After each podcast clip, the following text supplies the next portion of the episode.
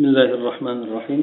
الحمد لله رب العالمين الصلاة والسلام على أشرف الأنبياء والمرسلين نبينا محمد وعلى آله وصحبه أجمعين. أما بعد بجنة درسنا دوام تكليك كان أب جهتك أخلاق الأربعة بدن أب بجنة كلب تختجن آه، خلق بيت شجاعة خلق كلام شجاعة تجنب يعني أول لرده shijoatga aloqador bo'lganligi uchun bu ham muhim huquqlardan hisoblanadi. Chunki e, allohni dini uchun harakat qilayotgan odamda bo'lishligi e, taxminan shart qilinadigan e, yuz foiz bo'lmasa ham lekin taxminan shart qilinadigan huquqlardan bittasi hisoblanadi. Hop. Lekin hozirgi paytga keladigan bo'lsa odamlarni ollohdan qo'rqishligi zaiflashib ketganligi uchun odamlarda ollohni maxluqlaridan qo'rqishlik kuchayib ketib qolgan. Demak ollohni bandalaridan qo'rqqanligidan ollohdan qo'rqishligi zaiflashib ketgan. O'zi asli shijoatni kelishligi banda ollohdan qo'rqishligidan kelib chiqadi. Shijoat bizni dinimizda bandani ollohdan qo'rqishligidan kelib chiqadi. Demak alloh inson ollohni o'zidan qo'rqadigan bo'lsa ollohdan haqiqiy suratda qo'rqqan qo'rqqan banda ollohni bandasidan u darajada qo'rqmaydi. Shijoat o'zi ayni shu payt shundan kelib chiqadi endi. Ana shuning uchun shijoat bobida payg'ambarlar eng oliy namunalarni insonlarga ko'rsatishgan endi shijoat bobida. Shulardan birisi keladiki bir kuni madina ahli kechasida bir baland bir ovoz tovushni eshitishadi endi qattiq tovushni eshitishadi. Ularni qalblariga qo'rquv tushadi endi. Ya'ni nima bo'ldikin nima bo'ldikin degan narsa bilan. Keyin odamlar o'sha ovoz chiqqan tomonga qarab jo'nashni boshlaydi. Shunda payg'ambar sallallohu alayhi vasallam o'sha tomondan kelayotgan holatda odamlarga yo'liqadi. Aytadiki u o'sha ovoz chiqqan tomonga payg'ambar alayhisalom ulardan oldin yetib borib qaytayotgan bo'lgan ya'ni qo'rqmanglar cho'chimanglar ya'ni hech narsa ekan degan narsada payg'ambar alayhisalom borib kelayotgan bo'ladi. Bu demak e, hozir aytib o'tganimizdek payg'ambarlar odamlarga shijoat borasida katta bir namunalarni ko'rsatgan sababi bular alloh taologa bo'lgan ishonchi mukammal bo'lgan. Alloh taolo qanday quvvatga ega inson shu narsani anglab yetadigan bo'lsa unga bandalarni ega bo'lgan quvvati arzimas bo'lib qoladi. Bunga misollardan boshqa nimalarni ham keltirishimiz mumkin. Hop mana hasan basiy rahmaullohni hajjojni oldiga kirgan e, chaqirgan vaqtlarida kirgan e, kirganda uni qattiq e, qo'rqitishlik bilan o'zi aslida qo'rqitib qo'yishlik bilan chaqirgan hajjoj u kishi kirgandan keyin muomalasini yaxshi qilib joyini hurmatini qilib joy berib boshqa qilib hurmatini qilib chiqaradi. Shunda ba'zilar taajjubga tushadi. Ya'ni sizni chaqirishligidan bo'lgan maqsad o'zi sizni bir qo'rqitib bir dag'dag'a qilish bo'lgandi. Lekin kirganingizda bunday muomala qildi deganda shunaqa men alloh taoloni qudratini eslab kirgan edim allohdan so'rab kirgan edim allohni qudratini eslab kirgan edim deb alloh taolo demak u insonni qalbiga xotirjamlikni beradi dushmanni qalbiga qo'rquvni solib qo'yadi yana bunga yaqin misolda bir e, o'sha tobiinlardan bittasini e, bir zolimroq bo'lgan podsho chaqiradi. Vallohu alam hajjojni boshqasini shunda u odam kirib xotirjam chiqadi. Shunaqa mashhur olimlardan bittasi bo'ladi. Odamlar bo'lsa uni oldida gap so'z so'z gapirgani ham jur'at qilolmaydigan bo'ladi. Bu odam kiradi bemalol gapirib hattoki u bu odamni hurmatini qilib o'zini past olib qoladi. Shunda chiqqandan keyin odamlar so'rashadiki siz shunday qilib kirib chiqdingiz u odamni oldiga? Odamlar boshqalar hatto kirgani haybatlanadi kirsa gapirgani haybatlanadi. deganda to'g'ri men uni oldiga kirishdan oldin alloh taoloni qudratini tasavvur qiluvdi. Alloh taolo qancha narsaga quvvatli qudratli ekanligini tasavvur qiluvdi. Buni qudrati allohni qudratini oldida pashshaga ham arzimaydigan bo'lib qoldi. Ha pashshachalik ham demak ko'rinmay qoldi. Shuning uchun men kirayotganda demak oddiy bitta bir maxluq hatto o'ziga ham foyda zarariga qodir bo'lmaydigan suratda odamni oldiga kiryapman deb turib kirib chiqdim degan. Haqiqatdan e, bu shijoatni mastari manbasi inson alloh taolodan qanchalik qo'rqishligi alloh taoloni qudratini qanday tasavvur qilishligidan paydo bo'ladi. Ana o'shandan aytib o'tganimizdek payg'ambarlar bu borada hammaga namuna o'rnak bo'ladigan ana undan keyin hop endi o'zi shijoat nima deganda shijoatni aytishadiki bu qalbni jur'at qilishligi. Qalbni jur'at qilishligi hamda qiyin bo'lgan ishlarga ro'para bo'lishlikda insonni nafsini kuchayishligi kuchli bo'lishligi. Ya'ni chekinmasligi insonda jur'at degan narsani paydo bo'lishligi mana shu narsani jur'at deyishadi.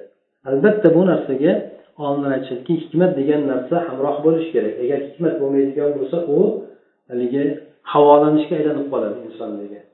Quruq shijoatni o'zi bo'lib turib agar hikmat yoki ilm bo'lmaydigan bo'lsa aql bo'lmaydigan bo'lsa u bir bir surati bo'ladi. Ba'zi odamda shijoat bo'ladi lekin aqlini joyiga qo'yolmagandan keyin bu odam foydasidan ko'ra zarar keltirib qo'yadi. Undan demak shijoatda insonni jur'at bilan birgalikda aqlini to'liq ishlashligi hamda hikmatni inson qila bilishligini aytishgan. Hop payg'ambar sallallohu alayhi vasallamni shijoat to'g'risida yana aytiladigan bo'lsa bu kishi mana sahobalar o'zlari guvohlik berishganki jangga chiqadigan bo'lsak ish urush juda qizib ketgan paytda ana bo'lib qoladigan bo'lsa biz payg'ambar sallallohu orqasiga o'tib himoyalanardik payg'ambar alayhisalomni orqasiga o'tib himoyalanardik u kishini muqaddimada qilib qo'yardik. U kishi bizdan oldinda turar edi dushmanga yo'liqishlikda ali roziyallohu anhu bu to'g'rida aytgan ekanlarki shunaqa jang juda qizishib ketgan paytda biz payg'ambar alayhisalom bilan birga himoyalanardik hop payg'ambar sallallohu alayhi vasallamdan ko'ra bironta odam dushmaniga yaqin bo'lmasdi ya'ni eng yaqin bo'ladi payg'ambar sallallohu alayhi vasallam bo'lardi. Baro ibn ozib roziyallohu anhu aytgan ekanlarki agar urush jang qilib ketadigan bo'lsa biz payg'ambar sallallohu alayhi vasallam bilan himoyalanardik. Biz u kishini go'yoki qalqon qilib olardik o'zimizga bizdan eng shijoatli bo'lgani o'sha kishi bilan barobar darajada bo'lardi. Bo'lsa eng shijoatli bo'lgani ham ya'ni safda barobar turardi. U kishidan oldinga o'tib ketolmasdi. Bu demak payg'ambar sallallohu alayhi vasallamni e, jangdagi bo'lgan shijoatlari u kishi o'zi hamma narsada odamlarni muqaddimasida bo'lgan. Shuningdek e, bu shijoat urush borasida ham payg'ambar alayhissalom odamlarni oldingi saflarida bo'lganlar endi.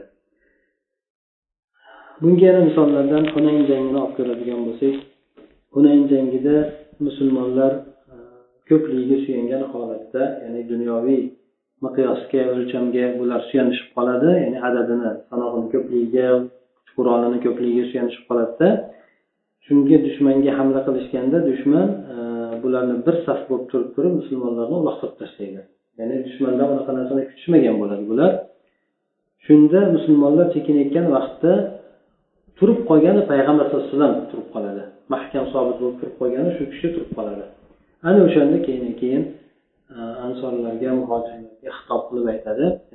Sizlarga ham aytadiki men payg'ambarman yolg'on yolg'on gap yo'q bu yerda. Men haqiqiy bo'lgan payg'ambarman. Men abdumuttolibni farzandiman deb turib ya'ni odamlarga tushkunlikka tushmanglar ya'ni bu payg'ambar ya'ni mag'lubiyatga uchrayotgan paytda odamni xayoliga har xil narsa keladi. Shunda hayollar boshqa narsaga bormasin men haqiqiy suratda payg'ambarman deb bor ovoz bilan aytib nido qilib qoladida o'sha nidoni eshitgan musulmonlar sekin sekin qalblariga shijoat kirib payg'ambar alayhisalomni atrofiga jamlanishadida o'zlarini ulab oladi.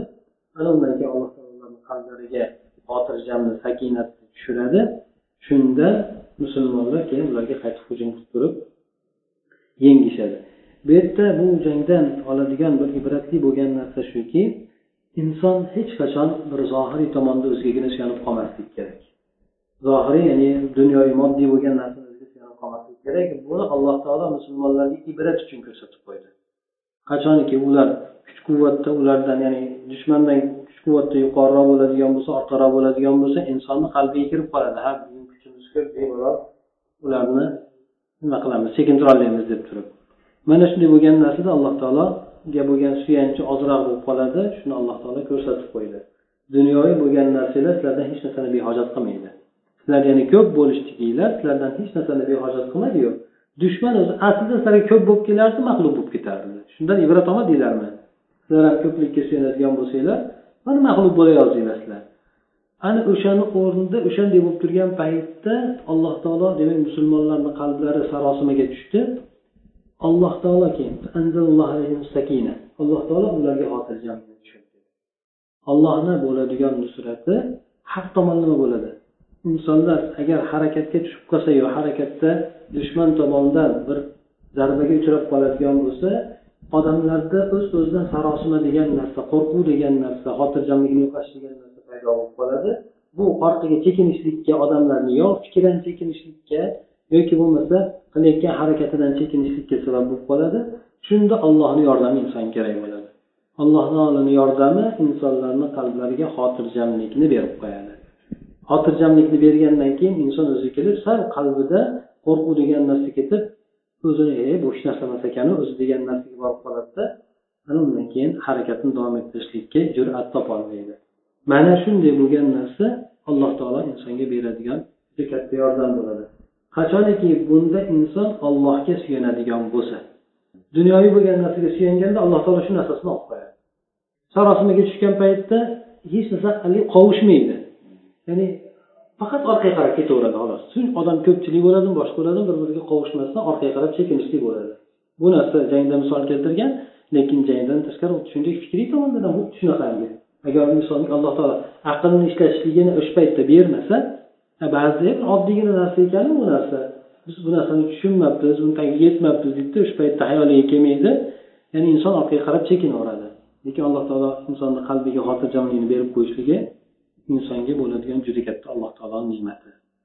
Ham undan keyin e, jihod borasida alloh taolo boshqa askarlarni tushirishligi farishta boshqa askarlarni tushirishligi muqobilida fikriy tomonda ham alloh taolo insonga boshqa tomonlarni bo'ysundirib beradi. Agar ya'ni jihod qurolli jihod bo'ladigan bo'lsa xuddi shuningdek fikriy jihat ham ya'ni harakatdagi bo'lgan jihat ham o'shanga qiyoslanaveradi. Bunda inson demak allohga suyanib turib harakatini boshlaydigan bo'lsa mabodo o'rtada sarosimaga tushib qoladigan chunki sarosimaga tushishligi tabiiy insonga. Chunki boring dushman tomonidan keladigan har xil xabarlar insonni orqaga chekintirib qo'yadi qo'rquv bo'lgan narsalar. Mana shunday bo'lgan o'rinda alloh taoloni insonni quvvatlashligi zarur bo'ladi. Allohga bog'lanadigan bo'lsa o'sha inson qalbiga kelgan qo'rquvni alloh taolo olib tashlaydi insonni o'rniga bir shijoatni beradi. Shijoatni berishligida insonni kuchli bo'lishligi shart emas. Va misol qilib ko'radigan bo'lsak. Abu bakr roziyallohu anhu bilan umar roziyallohu anhuni bunday taqqoslaymiz abu bakr roziyallohu anhu bir ozg'in odam bo'ladi. Ishton kiyadigan bo'lsa tushib ketadigan darajada. Ya'ni bel yo'qligidanda bu narsa. Bel yo'qligidan shuning uchun haligi poychasi pastga osilib yurgan. Men ko'tarib olmasam tushib ketaveradi degan shu nozikligi dalolat qiladi. Lekin shunday bir o'rinlar kelganki abu bakr roziyallohu anhu shu o'rinlarda bir mahkam bir qarorlarni tutgan hech kim u kishini u narsadan qaytarolmagan hattoki. Shijoati o'sha narsada ko'ringan. Hatto umardek bo'lgan kuchli bo'lgan odam ham abu bakrni bunday shijoatini oldida taslim bo'lgan. Ya'ni shuning uchun kuchli o'zini bo'lishligi insonda shijoatni keltirib chiqarolmaydi to'g'ri bir navi bo'lishi mumkin lekin shijoatni chiqarib tashlaydigan narsa insonni qalbida jur'atni paydo bo'lishligi ham bo'ladi.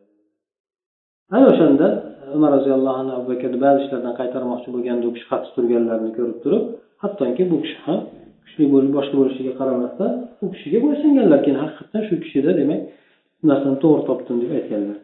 Shuning uchun ba'zida insonda bo'ladi mana e, abdulloh masudni olib ko'radigan bo'lsak u kishi juda nozik bo'lgan hattoki u kishini turganligi ba'zilarni o'tirgani bilan sal barobar deb keladi. Ya'ni mubolag'aku lekin bo'yi pastroq bo'lgan bu kishini. Oyoqlari masalan nimaga chiqqanda ko'rishadi? Juda nozik bo'ladi.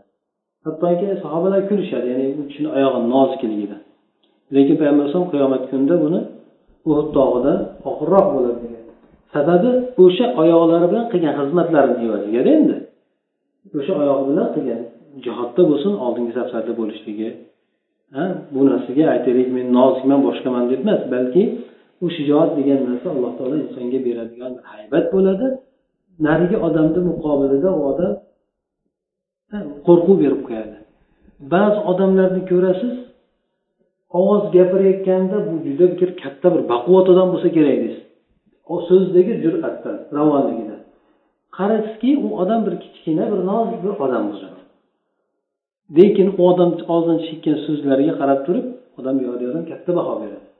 Haqiqatdan bu yerdagi jur'at insonni katta jismini katta bo'lishligida emas balki yana kuchini ko'p bo'lishligida emas lekin bu narsalarimiz kerak lekin insonga jur'at bo'lgan narsa ichidan kelib chiqadigan narsada mana o'sha narsa insonni ana shuncha narsasini hal qilib qo'yadi. Shuning uchun ba'zan o'zi kichikroq bo'lsa ham bir aytib qo'yadiki bir duhi bilan turadigan bo'lsa daryolik odam jasadi katta bo'lsa ham nima qilolmaydi ya'ni jur'ati yetmaydi. Bir bu narsa deb yuborishlikka bu narsa qilib yuborishlikka ya'ni odamdagi bo'lgan ma'naviy tomondan bo'lgan insondagi shijoat ancha katta narsani insonga ro'y o'ynab berishligi mumkin. Hop. Bu borada demak sahobalar to'g'risida gapimiz ketayotgan edi. Shijoatlari bularni hamma ishda bo'lgan. Yaxshi ishlarda oldinga intilishlik bilan bo'lgan.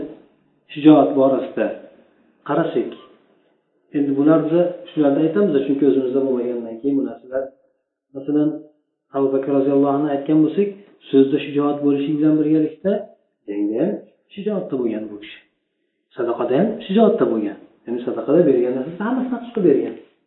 Bu narsaga ham insonga shijoat kerak bo'ladi bu yerda odam ozgina narsasini bergani o'ylanib bir ikki kun o'ylanib beradi. Jiddiy bo'lgan narsani agar bergani ham masalan yuz so'm beraymi bermaymikin deb bir ikki o'ylanib turib aytadi ularda o'sha payt taqozo qilgan vaqtda hamma narsasini olib chiqib berganligi. Bu demak unda ham o'zgarishi shijoat kerak bo'ladi. Endi. Ho'p. Bular e, shu bilan birgalikda mana jihoddagi bo'lgan intilishligi ularni shahidlikka intilishligi sababi nimada? Sababi o'sha birinchi yo'q narsani topib olganligida. Ba'zan bo'ladi inson johiliyatda yurib yurib turib dinga kirib qoladigan bo'lsa juda bir katta narsani topdim o'shani keyin butun hayotini bag'ishlab yuboradi. Ba'zi odamlar ham haqiqatdan bo'lgan. Masalan yo ko'cha bolalari bo'lsin boshqalar bo'lsin johiliyat botqog'iga botib qolganda keyin islomdagi bir holatni shunday ko'rib turib juda yo'qotib qo'ygan juda qimmatbaho narsani topib qo'ygan bilib turib o'shani yo'lda bu yerdagi eskidan bo'lib yurgan musulmonlardan ko'ra kattaroq xizmat qilgan. Dunyo berish borasida bo'lsin boshqa xizmatlar borasida bo'lsin. Ba'zilarda shunaqa ham sodir bo'lgan endi. Bulardan shuning uchun ba'zilari kelgan hatto ikki rakat o'qimasdan jannatga kirgan ikki rakat namoz o'qimasdan jannatga kirgan. Sababi dushman tomonidan kelganda qanaqisan jannatga kiraman deganda shu musulmon bo'lib o'sha urushga kirib o'lsang shahid bo'lsang jannatga kirasan deganda shunda bo'pti deb turib musulmon bo'lib jang kirib ketganda hali namoz o'qimasdan turib shahid bo'lib ketgan endi. Ya'ni undan boshqa olib ko'radigan bo'lsak e, boshqa sahobalarda ham xuddi shunaqa bo'lgan. Ular mana yoshi ham kattasi ham olib ko'rsak sababi bularda iymon o'sha darajagacha payg'ambar yetkazib qo'ygan. Iymon degan narsa aksar sahobalarda yuqori darajaga yetgan edi shuning uchun hamma sohada bular o'rnak bo'lishgan. Mana amr ibn jamoh degan odam. Amr ibn jamoh deydi bu kishi roziyallohu anhu bu kishini farzandlari bo'lgan lekin bu kishi oyog'i cho'loq bo'lgan. Cho'loq bo'lgandan keyin jihodga chiqishligidan ruxsat berildi ya'ni chiqmasligiga uzr bo'lib ruxsat berildi. Jihodga chiqmasligiga uzr bor edi ho'p u kishi jihodga chiqishligini so'ray boshladi menamishkada farzandlari aytdi ota sizni o'rningizga biz chiqamiz mana. Ya'ni farzandlari ham bir nechta farzandi jihodga chiqadigan bo'lgan. U ruxsat bermagandan keyin farzandlari payg'ambar alayhi vasallam huzurlariga bordi aytdiki rasululloh men jihodga chiqmoqchiman ya'ni men ham shahidlikka erishib shu cho'loq oyoqlarim bilan jannatni bosmoqchiman shuni bossam deyman. Farzandlarim esa meni shundan qaytaryapti deganda farzandlarini chaqirib turib payg'ambar aytganki shunaqa endi otanglar ekan. Sizlar e, to'smanglar oldini ehtimol alloh taolo u kishiga nimani beradi shahidlikni berishi mumkin endi. Shahidlikni berib qolar alloh taolo. Sizlar oldini to'smanglar degan. Shunda bu kishi jangga chiqib qattiq jang qilganda shu bilan shahid bo'lib ketgan. O'sha jangda shahid bo'lgan. Lekin ungacha o'sha intilib dushmanni ichiga kirib qattiq jang qilgan shu bilan shahid bo'lib ketgan. Bu odamlar demak agar insonda bunaqa shijoat bo'lmaydigan bo'lsa inson bunaqa jur'at qilmaydi. Insonni hayoti juda bo'lib yoshi katta bo'lgan paytda birov menga xalaqit qilmasin nevaralar rohatini ko'ray deb o'tadi inson. Odatda shunaqada endi inson. Bunaqa intilishligi kam bo'ladi endi yoshlarni o'rtasini olib ko'radigan bo'lsak ham mana sad abi ukalari bo'lgan. Bir ukalari bo'lganda bu odam bu bolani yoshi kichkina bo'lgan hali balog'atga yetmagan bo'lgan. O'sha jangga chiqib ketayotgan paytda bu kishi askarni ichiga kirib bekin oladi bunday aytganda. O'shani ichiga kirib ko'rinmaslikka harakat qiladi. Payg'ambar alayhisalom baribir ko'rib qoladi. Ko'rib qolib qaytaradi. Ya'ni shuni hali yoshing yetgani yo'q. Balog'atga yetmagan bo'ladi o'n uch o'n to'rtga borib bormagan. Qaytgin deganda u kishi xafa bo'ladi. Yig'lab payg'ambar alayhisalomdan ruxsat so'raydi ruxsat bering ya'ni jasad tomonim yaxshi bo'ladi boshqa deb so'raganda payg'ambar alayhisalom ruxsat bergan keyin. Shunga qattiq xursand bo'lgan jihodga ruxsat berganligiga yana ba'zi sahobalarda ham bo'ladi. Bir sahobani payg'ambar alayhissalom balog'at yetganligi uchun qabul qilganda boshqasini uni do'stini qaytarib olayotgan paytda nimaga buni qabul qildingiz meni qaytarib yuboryapsizlar bu balog'atga yetgan sen yetmagansan men bunda jasad jihatdan qolishmayman. Agar xolis kurashaman yiqitaman meni ham qabul qilasizmi? Kurashtirib qabul qilgan uni ham. Ya'ni shu darajada bu jihodga chiqishlikda musobaqa qilishlik ham bo'lgan bu yerda. Bu narsalar nimani anglatadi bu narsalar ularda ham masalan aytaylik hayotlari ularni ham o'ziga shirin bo'lgan. Hech kim masalan hayotini bir shirin emas yoki boshqa demaydi. Bulardagi bu narsaga undagan narsa o'sha iymonlarini baquvvat bo'lganligi allohga bo'lgan iymonini qadarga bo'lgan iymonini qiyomatga oxiratga jannatga bo'lgan iymoni ularda shunday bo'lishlikka undagan edi. Ana o'shandan bular jang maydonida ham juda katta bir jasoratlarni ko'rsatishgan musulmonlarda masalan avvaldagi bo'lgan e, janglarni olib ko'radigan bo'lsak ketma ket bo'lgan g'alabalar. Ho o'zi ozchilik bo'lib forsni qulachish darajasiga olib borishligi yoki rumni ham ancha ichkariga keltirib qancha joylarni bosib olishlikka undagan narsa nima bo'lgan? Undagan narsa o'sha ulardagi iymon shijoati bo'lgan. Iymon ham shijoat bo'lgan bularda. Hop bularda olib ko'radigan bo'lsak haligi bir ko'p misol keltirib aytamizku forslarda ham bunlarda ham so'rash bo'lgan. Tabiiy bu narsa. Ya'ni sizlar musulmonlardan nimalar kam sizlarni? Ularda oyog'iga o'xshagan oyoq bo'lsa boshiga o'xshagan bosh bo'lsa ya'ni qurol yarog'da o'zi adatda ham sizlar ko'p bo'lsanglar sabab nima endi? Musulmonlardan nima tomondan mag'lub bo'lasizlar? Mag'lub bo'lishligini aytgan ular demak bizning qaysi bir chiqadigan bo'lsa nimasi sherigi o'zidan oldin o'lishligini xohlaydi. Shuning uchun o'zini orqaga tortadi birov ya'ni o'sha borsin deydi kutib turaveradi boshqa qilmaydi. Ularda buni aksi bo'ladi. Sherigimdan oldin men shahid bo'lay men o'lay deb harakat qilishadi. Mana shuni bu narsa shijoatda endi inson o'zini sherigini oldinga surmaydida balki men bo'lay o'sha shahid deb turib o'zi oldinga qarab intilib shahid bo'ladi bu musulmonlardagi boshqalarda topilmaydigan xislatdir. Boshqalarda topilmaydigan bir bir ittifoq boshqa toifalarda boshqa ummatlarda bunaqa narsa yo'q. Ha bular kurashadigan narsasi nima bo'ladi? Kurashadigan narsasi asosan dunyoviy maqsad bo'ladi. Dunyoviy bo'lgan maqsad bo'lgan odamlarni maqsadi yashashlik bo'ladi o'lishlik bo'lmaydi. Ha chunki boring ana nayomniy deydi masalan nimaga ishlaydiganlar ishlaydiganlar ham asosan ular yashash uchun jihatni urush qilishadi endi ular ba'zilarini ayblashadi bulardan bor musulmonlar shunaqa nimalarni olishligi bo'ladi musulmon askarini o'zi ulardan ko'ra kuchliroq bo'ladi harakat jihatdan ham ixlos jihatdan ham musulmonlar muhtoj emas illo mutaxassisni bir nimaga olmasa bir ijaraga olmasa askarni ijaraga olmaydi chunki haligi aytadiku arablarda maqola bor o'zi asli bolasini yo'qotib yig'layotgan ayol bilan hazilkam yig'layotgan odamni farqi bor. Asli boshga musibat tushgan odam bo'ladi. Bu odamni yig'lashi bo'ladi. Ba'zan marosimlarga kelib yig'laveradigan ayol bo'ladi. Ya'ni odamlarni ko'ziga. Ikkalasi yig'layotganlar lekin ikkalasini yig'lashlik juda katta farqi bor. Musulmon odamni maqsadi u dinni g'olib qilishlik uchun bo'ladi. Ular maqsadi unaqa bo'lmaydi. Shundan demak musulmon askarlari hech qanaqangi bir ehtiyojda emas. Birovlarni olib ijaraga olib boshqa qilishlikka musulmonlarda askaridagi bo'lgan o'zi o'sha shahidlikka intilishligi alloh taolo bu narsani juda bir katta mukofot qilib qo'ygan. Shahidlikda birinchi darsimiz ikkinchi darsimizda aytib o'tuvdik inson o'limga tayyorgarlik ko'rishlik mavzusida shahidlarga alloh taolo qanchalik darajalarni ato etganligini. Mana shu narsalar ularni o'shanga mana shu narsalar demak o'zlarini hayotlarini ollohni dinini oldida allohni beradigan mukofotini oldida arzimas hisoblaydi. Balki insonlar bu narsaga intilib harakat qilib yetishga harakat qiladi. Masalan shunchaki emas balki intilib ollohdan so'rab shu narsani bizga yetkazgin deb boshqalar urush maydoniga jonni saqlab olishlik uchun keladigan bo'lsa bu urush maydoniga o'lim o'rinlarini istab chiqadi. Shuning uchun payg'ambar alayhisalom hadislarda ham aytadiku bir eng yaxshi yashaydigan odamlarni eng yaxshi yashaydigan odamni ikkitasini misol keltiradi bittasi bo'ladi. Bu otini ollohni yo'lida tizginni mahkam tortib turgan bo'ladi. Ya'ni tayyor turgan odam bo'ladi. Qayerdan bir ovoz chaqiradigan bo'lsa ya'ni jihodgami yoki bo'lmasa harakatli bo'lgan narsaga bu odam o'sha narsada nimasini ulovini tepasida chopadi o'sha tomonga qarab turib ham qatlni ham o'limni qatl ya'ni jihodda ishtirok etib o'ldirishlikni ham o'limni o'zini topiladigan o'rinlarda izlab yuradi bu odam. Ya'ni qayerdan shu alloh taolo shahidlikni nasib qilar ekan deb izlab yuradi mana shu odamni odamlarni ichida eng yaxshi yashaydigan odamlardan deb payg'ambar alayhissalom aytganlar edi. Demak e, bu shijoat faqatgina erkaklarda o'zidagina bo'lib qolmagan balki shijoat ayollarda ham bo'lgan. Payg'ambar alayhi davrlarida ayollar birga erkaklar bilan urushga chiqamiz urushga garchi urushmasa ham lekin ba'zilarda majbur bo'lgan o'rinlarda urushgan.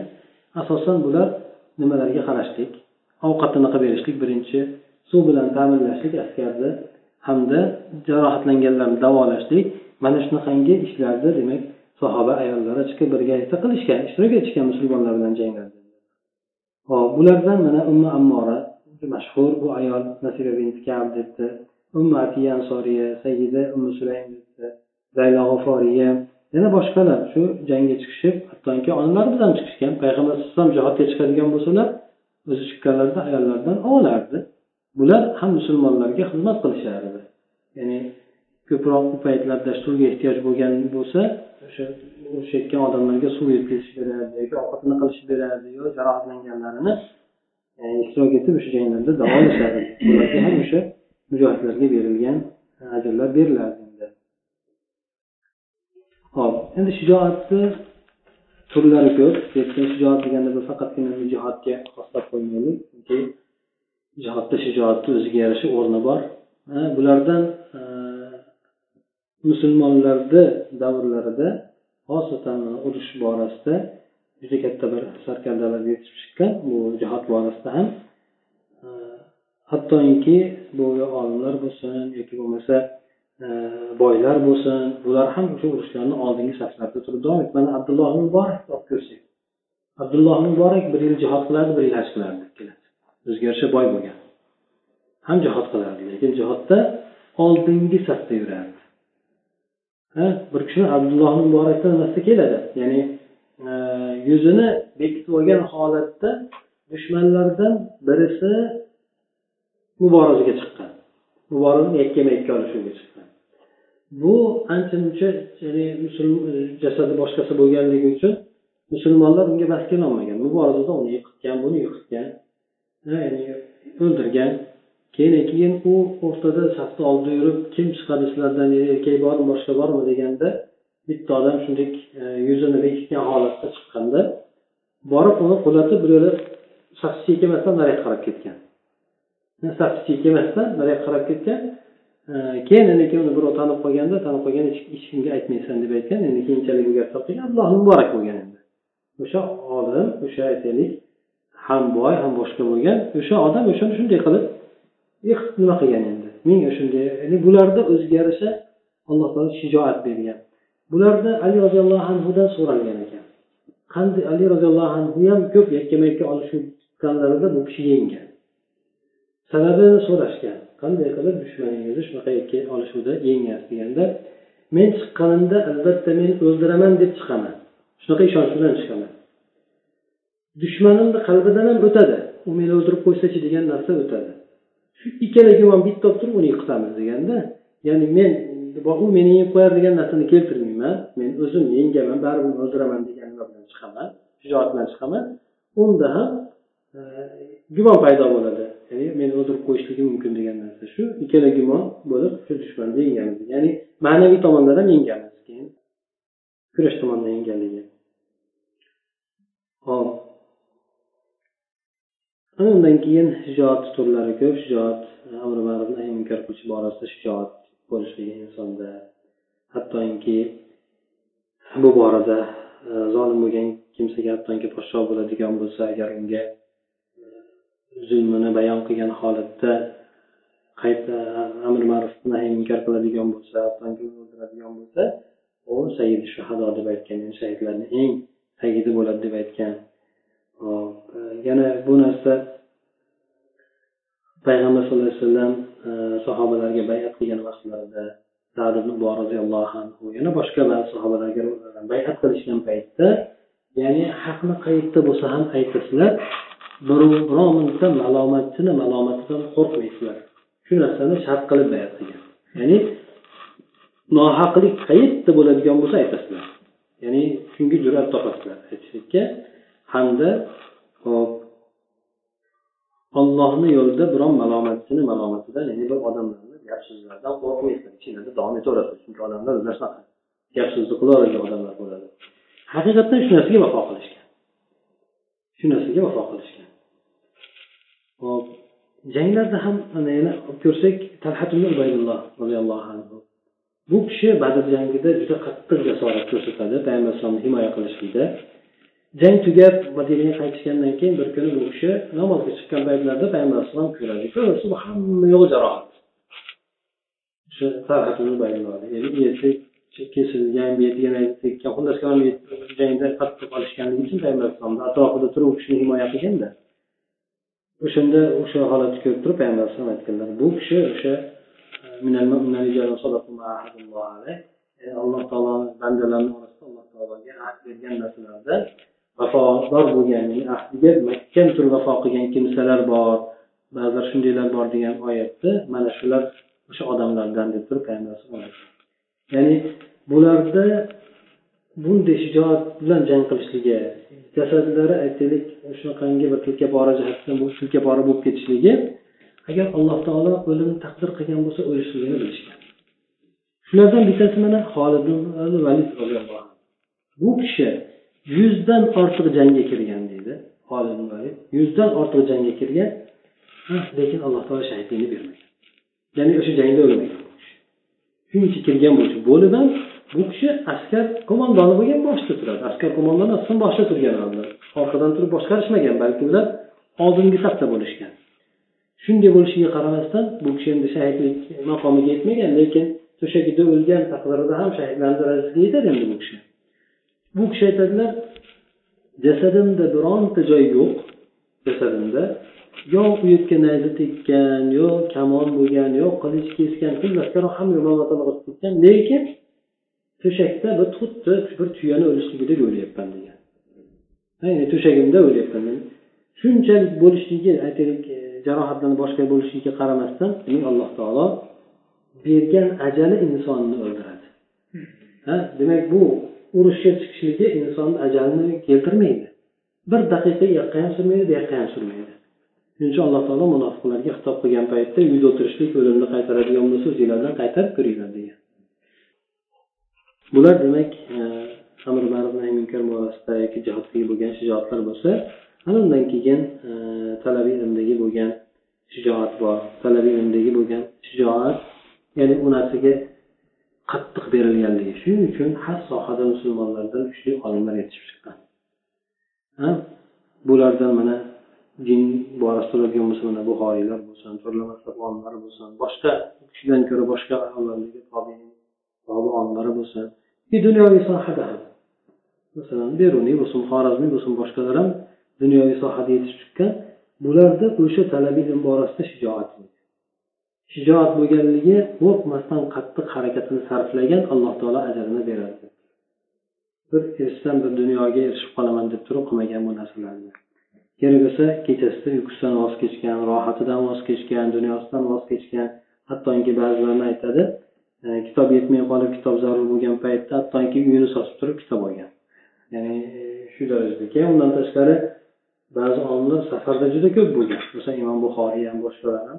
O'zlarida qo'lga yarasha shunga yarasha puli ham bo'lgan lekin asosan safarlarda undan buxoriy uylanmasdan o'tib ketganlar uylanmasdan o'tib ketgan. Sababi muqim bo'lmagan doim safarda bo'lgan o'zi bilan birga cho'rilarni olgan lekin cho'rilarni olib shular bilan yurganu uylanmasdan o'tib ketishligini sababi nimalarda bo'lgan safarda o'tib ketgan asosan bu kishini u borib hadis olib bu yerga borib hadis olib shuni demak ulardagi mana shu topilgan shijoat sababidan alloh taolo bularni o'ziga ham olgan ilmlariga ham harakatlariga ham barakot ato etganda shu kungacha demak ular saqlanib qolgan.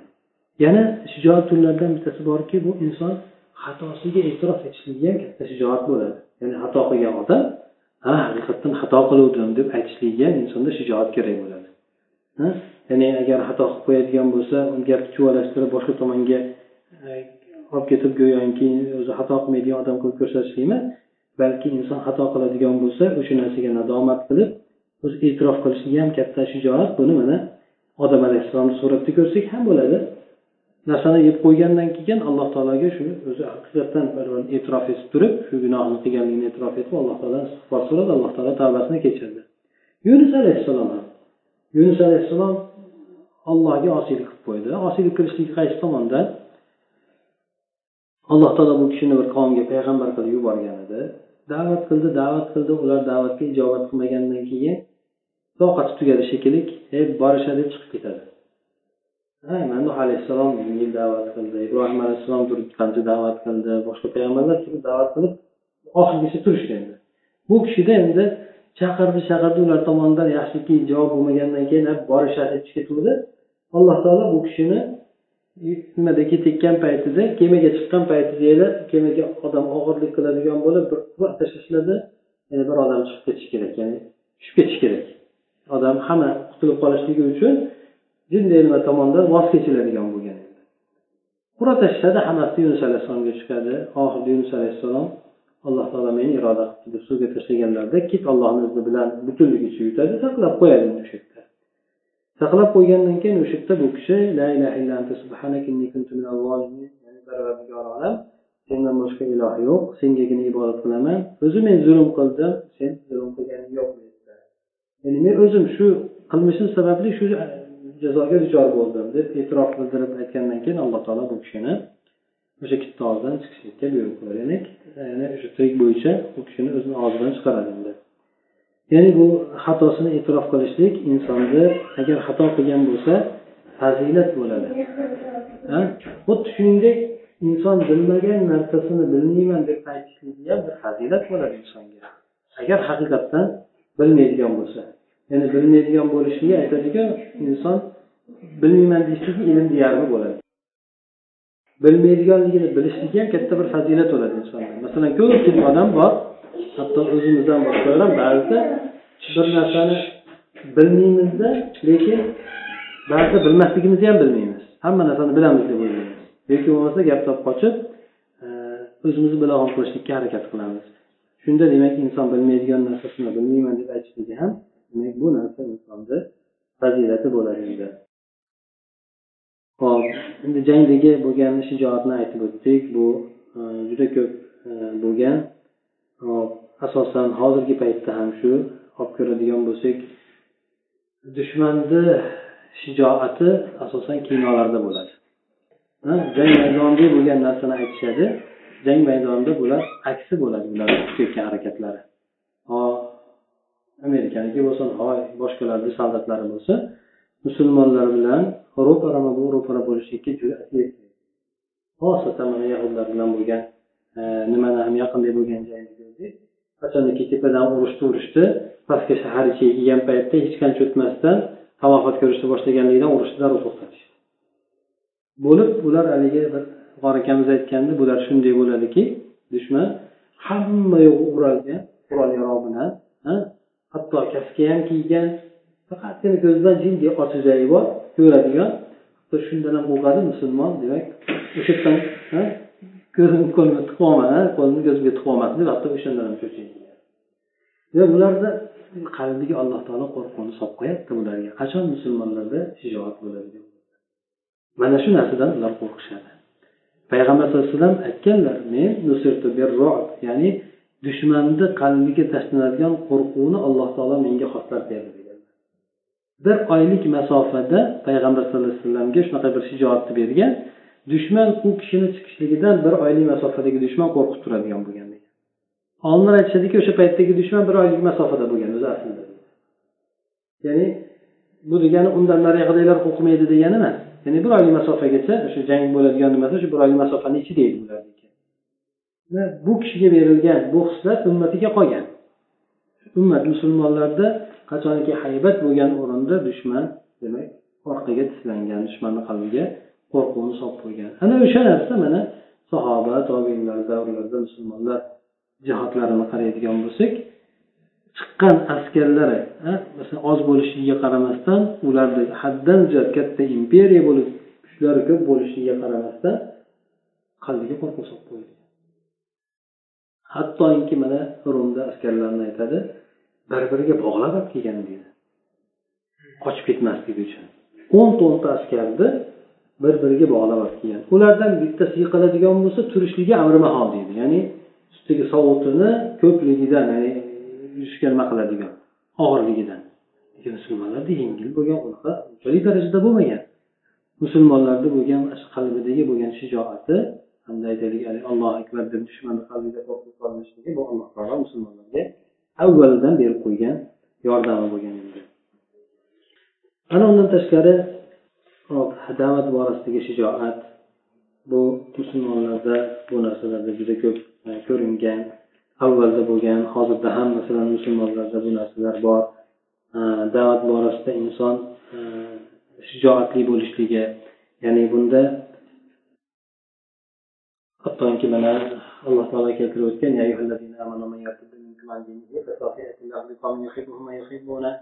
ey mo'minlar kim sizlardan orqaga chekinib ketadigan bo'lsa ya'ni olloh buyurgan narsalarni ortga tashlaydigan bo'lsa qilmaydigan bo'lsa allohga hech qanaqangi bir muammosi yo'q. Ya'ni sizlarni ketkizib alloh taolo boshqa bir qavmlarni keltiradi. Lekin alloh taolo ularni yaxshi ko'radi ular ham ollohni yaxshi ko'radi. Mo'minlarga nisbatan o'zini pastroq olishadi bular. Kofirlarga nisbatan o'zini aziz tutadi qadrini bilib turishadi o'zlari.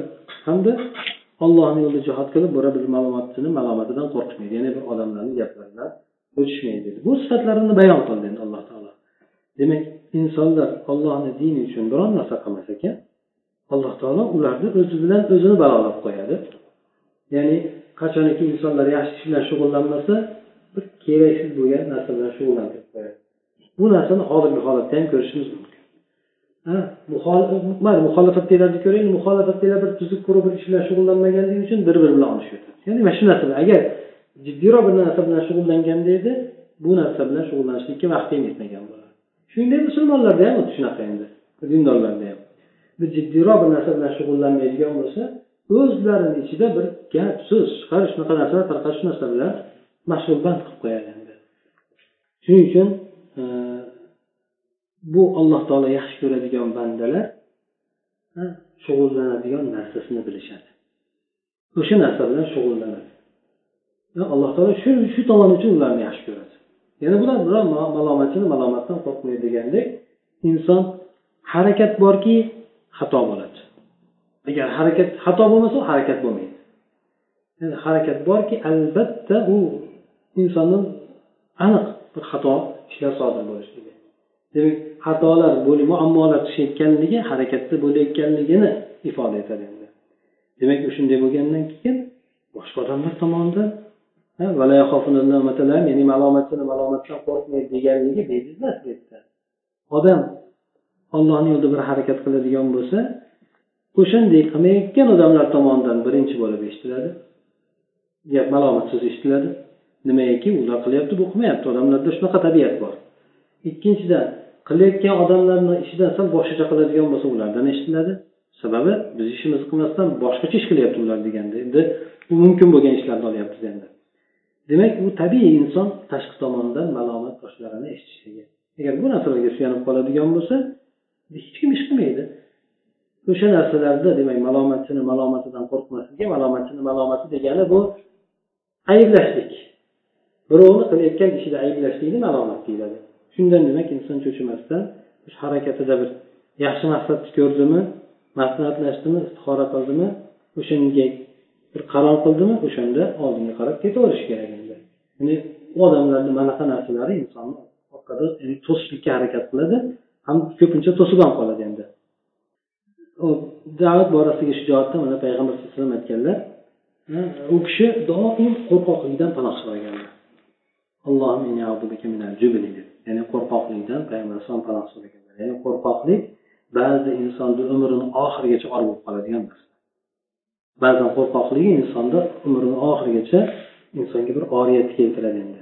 Shundan payg'ambar alayhissalom demak o'sha qo'rqoq bo'lib qolishlikdan alloh taolodan qattiq panoh so'raganlar endi.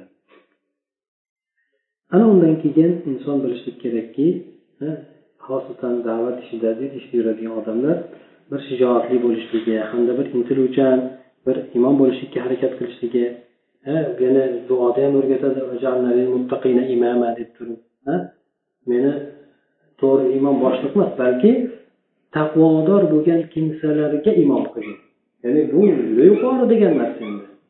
Taqvodor bo'lgan kimsa bo'lishligi o'zi katta narsa ularga imom peshqadam bo'lishligi yana ham katta narsa bo'ladi.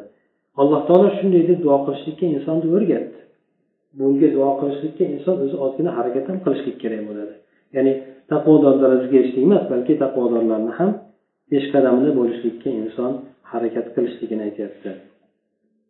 Ana unday bo'ladigan bo'lsa demak qo'rqoq bo'lmagin ikkilanuvchi bo'lmagin bilginki alloh taolo sen bilan birga deydi. Alloh taolo xudodan qo'rqadigan kimsalar bilan birga bo'ladi. Ham amalini puxta qiladigan odamlar bilan birga bo'ladi. Taqvodor bo'lishi kerak inson xudodan qo'rqadigan xudoni aytganini qilishi kerak keyin amalni puxtaroq qilish kerak.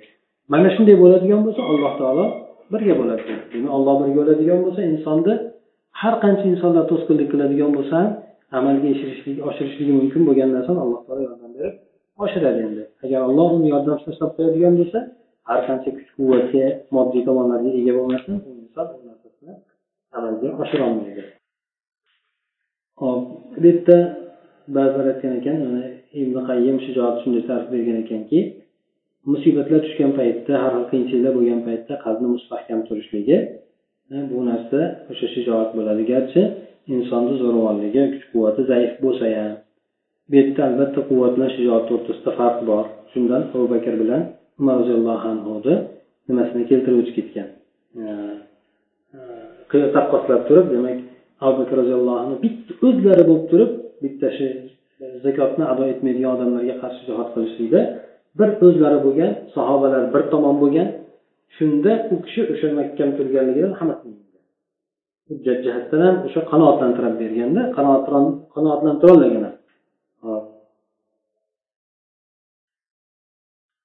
yana undan tashqari alloh taolo e, mo'min odamni sifatlab aytganki alloh taolo o'zini yo'lida bir harakat qiladigan jihod qiladigan kimsalarni saf saf bo'lib jihod qiladiganlarni yaxshi ko'radi.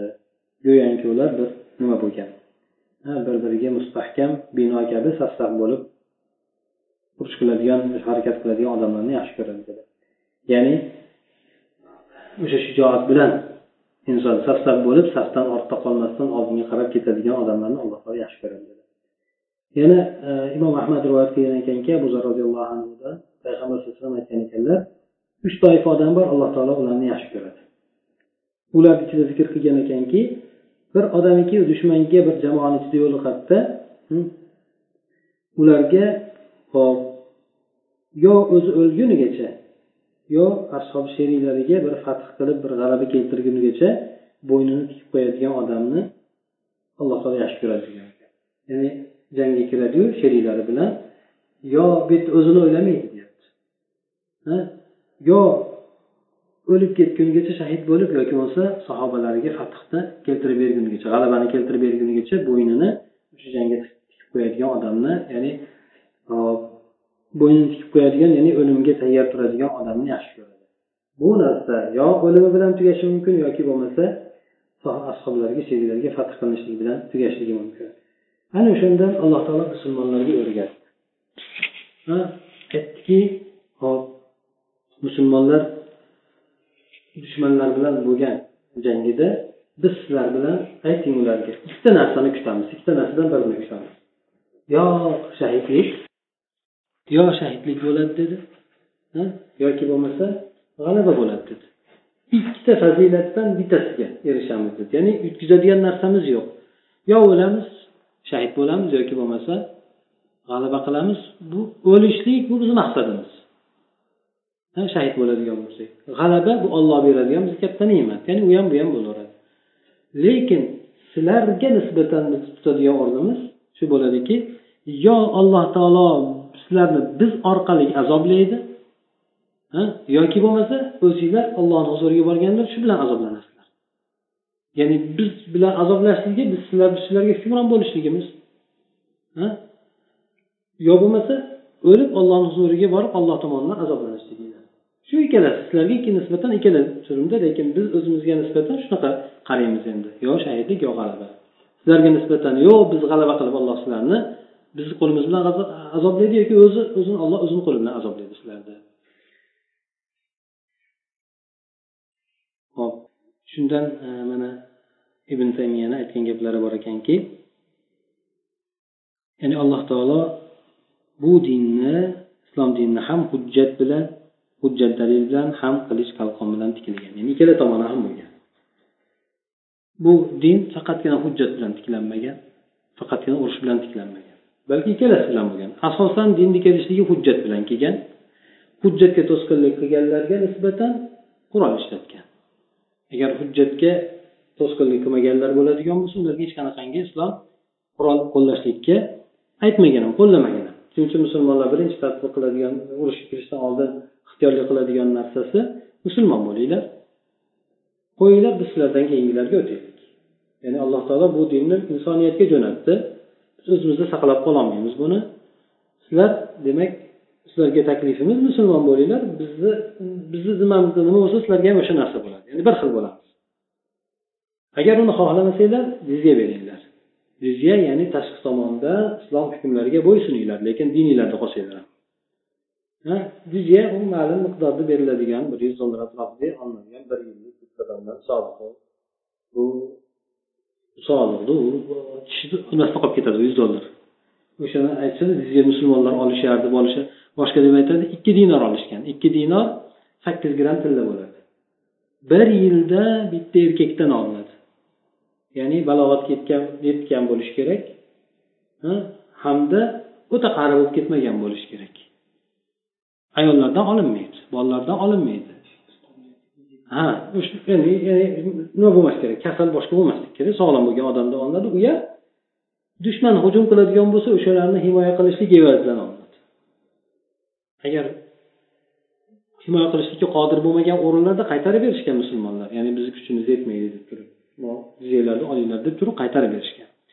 Buni hozirga olib keladigan bo'lsak bir yuz dollarga atrofiga borib bormaydi. Shu narsani olishgan endi. Bu bir arzimagan bir hozirgi bunday qaraydigan bo'lsak arzimagan narsa bo'ladi endi. Bu katta bir soliq boshqa narsalarni oldiga olib kiradigan bo'lsak. Hop mana shu narsani demak qabul qilinglar degan ya'ni o'shanda musulmonlar sizlarni himoya qilamiz degan tashqi dushmandan hop ya'ni birontasi dushman sizlarga hujum qiladigan bo'lsa biz askarimiz bilan borib sizlarga beminnat yordam beramiz degan. Hop hattoki bu jizya to'lagan odamlarda musulmonni askarlardan nimalari mirshablari ham tegishlikka haqqi yo'q bo'lgan qattiq shuning uchun ba'zi olimlar bir zimmiy bo'lgan odamga bir mirshablarni qattiq tegayotganligini ko'rib turib e, qo'pol muomala qilayotganligini ko'rib turib haligiga sudralib ketishayotgan paytda aytganda sen jizya to'laganmisan? To'laganman desa turib turib oxirigacha o'sha nimalardan himoya huquqni himoya qilgan deydi ya'ni nima haqqing bor? Bu nima omonlik musulmonlarga bo'ladigan bo'lsa bunga ham o'sha omonlik tegishli chunki bu odam o'sha nimasini haqqini rioya qilib turibdi. Buni nima qilishlikka haqqing yo'q deb turib garchi musulmonlar qilayotgan taqdirda ham o'sha zimmiy bo'lgan odamni tarafini olib himoyasini olgan huquqini himoya qilgan edi. Uchinchi yo'li bular demak musulmon bo'lmasang izzat to'lamasang biz senlardan keyingilarga o'tishimiz kerak. Demak senlar o'rtadagi to'siqsan shuning uchun biz senlarni bosib o'tamiz endi. Ya'ni urush qilib o'tamiz endi. Doimki yerda alloh taolo fitna bo'lmasin dedi. Dindan to'siladigan hech qanaqangi narsa bo'lmasligi kerak endi. Ya'ni ollohni yo'lida jang qilinglar hattoki yerda ollohni dini tarqaladigan narsa bo'lmaslik kerak. Fitna bo'lmaslik kerak dedi. Fitna ya'ni ollohni dinidan burishlik. Shundan demak musulmonlar o'sha uchta narsani qo'yishardi. Bo'lmasa oxiri jihod qilib undan keyin lekin jihod qilgan taqdirda ham musulmonlarda avvalda bo'lgan jihodlari nihoyatda toza jihod bo'lgan. Mana payg'ambar sallallohu alayhi vasallamni olib ko'radigan bo'lsak bu kishini davrlarida yuzlab jang bo'lgan. Bor yo'g'i musulmonlaru kofirlardan o'lgani mingta bo'lgan mingta atrofida bo'lgan. Musulmonlardan o'lgani kofirlardan o'lgan mingta bo'lgan xolos deydi shu o'n yil mobaynidagi bo'lgan jang. Bu yuzlab janglar bo'lgan u paytlarda. Ya'ni e, islomni nimasi? Odamlarni qirishlik bo'lmagan balki aksincha odamlarni hayotini saqlab qolishlik bo'lgan. Ba'zi e, odamlar shu shijoat to'g'risida aytishgan ekan. Hop bir odam aytgan ekanki bir odamda agar shijoat bo'ladigan bo'lsa bir odam bo'lib agar unda shijoati bo'ladigan bo'lsa bu ko'pchilikni shakllantirishi mumkin. Ya'ni bir odam o'zi bo'lsa garchi uni shijoati bo'lsa bu odam ko'pchilikni shakllantirishi mumkin. Xuddi ko'pchilikni e, o'rnida turishi mumkin. Bir odam o'zi shijoat bilan gapiradigan bo'lsa bitta o'zi bo'lgan taqdirda ham ko'pchilikni o'rnida turishi mumkin deb aytgan ekan.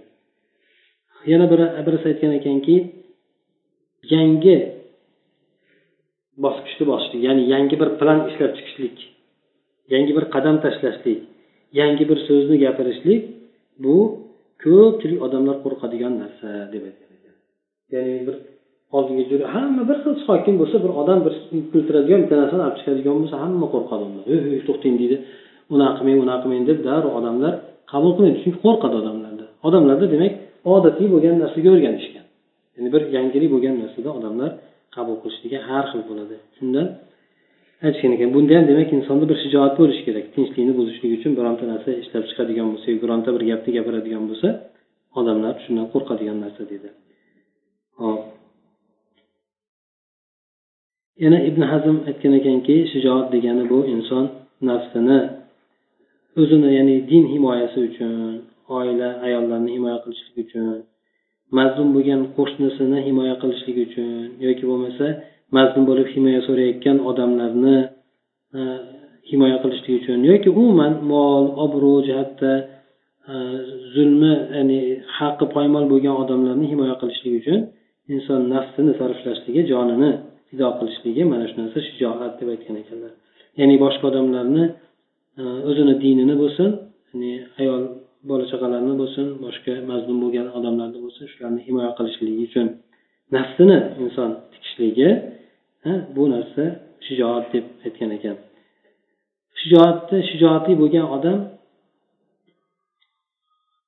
dushmaniga ham mahbubdir deb aytishgan ekan. Shijoatli bo'ladigan bo'lsa dushmaniga ham mahbub bo'ladi inson. Ha mana aytaylik payg'ambar sallallohu alayhi vasallam avvalgi paytlarda ularga dushman bo'lishiga qaramasdan payg'ambar alayhisalomga to'g'ri baho berishgan. Ha? Ya'ni dushman olib kelayotgan harakat tomonidan dushman bo'lgan bo'lishi mumkin lekin xulq atvor tomonidan u kishi mahbub odam bo'lgan. Dushmanlar u kishini ayblagan taqdirda ham u kishini qadrlashardi. Ha? Ishonchli odam deb omonat berishardi. Demak shijoatli bo'lgan odam garchi dushmaniga bo'lsa ham mahbub bo'ladi. Qo'rqoq bo'lgan odam hatto onasiga ham xunuk bo'ladi. Hatto onasi ham uni yoqtirmaydi u boshqa odam tugul demak qo'rqoq bo'lgan odamni onasi ham yoqtirmaydi deb aytishgan ekan. Qo'rqoq bo'lgan odam bir kunda necha marta o'lib tiriladi? Hm? Shijoatli bo'lgan odam olloh o'limini bergan kunda o'ladi. Qo'rqoq bo'lgan odam demak bir kunda necha marta o'ladi deb aytilgan ekan. Bir odam aytgan ekanki tarixdan shu narsani bildimki hm? tajribasiga asoslanib aytayotgan ekan tarixdan shu narsani bildimki agar inson biron narsaga bir reja tuzadigan bo'lsa reja tuzadigan bo'lsa qo'rquv uni chekintirmaydi. Rejali ish qiladigan bo'lsa qo'rquv uni chekintirmaydi. Hamda qilishligi kerak bo'lgan narsani bilishligi ya'ni qo'rquvni bekor qiladi. Ya'ni qilishligi kerakli bo'lgan ishlarni hayol tasavvurida bo'ladigan bo'lsa planda bo'ladigan bo'lsa bu narsa insondagi qo'rquvni ketkazadi degan ekan. Ya'ni inson bir hamma narsasi ayon e, rejalari bo'ladigan bo'lsa bu odam sal jur'atliroq harakat qiladi. Nimaiki hamma narsasi tartiblangan endi. Tartiblanmagan odam ko'proq ikkilanishlikni boshlaydi yoki qo'rqishni boshlaydi. Ya'ni rejasi yo'q plani yo'q ish qiladigan bo'lsa.